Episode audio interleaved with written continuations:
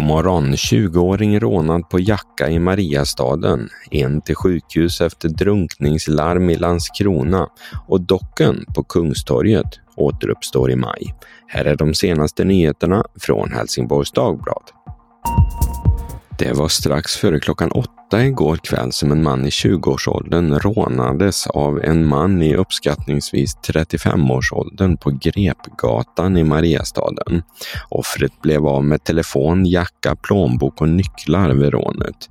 Rånoffret fick hjälp av en förbipasserande att ringa polisen. En person fick föras till sjukhus i natt efter ett drunkningstillbud vid stranden nära vattentornet i Landskrona. När räddningstjänst och ambulans körde dit strax efter klockan tre i natt så fann de en person i området, men om denne verkligen var i vattnet är lite oklart. Klart är i alla fall att personen fick föras till sjukhus, men det är oklart hur allvarliga skador denne fått.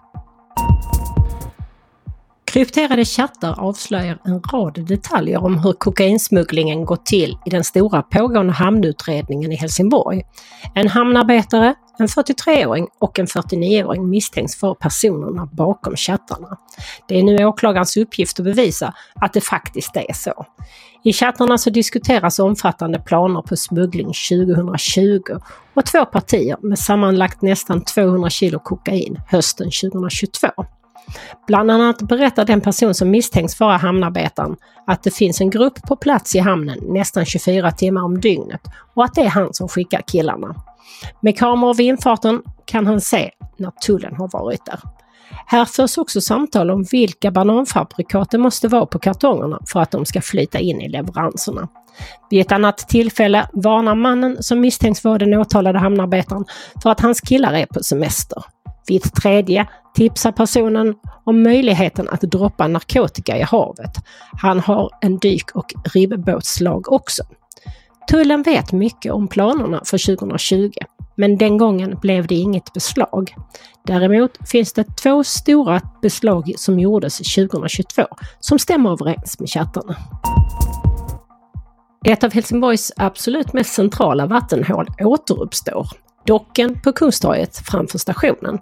Serveringen har varit torrlagd sedan 2021 eftersom den förra ägaren inte hade utskänkningstillstånd. Nu har hyreskontraktet köpts av bland annat Bengt Hansson som också är involverad i Glaskart och Mellow Yellow i Malmö och Amore Fantasia i Helsingborg. Den som passerar Kungstorget märker att kommunen just nu håller på att rusta den ovala lilla byggnaden med nytt avlopp och en total uppfräschning. Om alla tillstånd blir klara så siktar man på att öppna i slutet av maj. Tre personer blev allvarligt skadade vid en tågolycka i Örebro sent igår kväll. De tre är fotgängare som blivit påkörda av ett godståg vid Södra station i Örebro. Ett stort område kring olycksplatsen spärrades under kvällen av och polisen ska nu i detalj utreda vad det är som har hänt. Först vid fyra tiden nu på sennatten släpptes avspärrningarna och tågtrafiken kunde återupptas genom Örebro.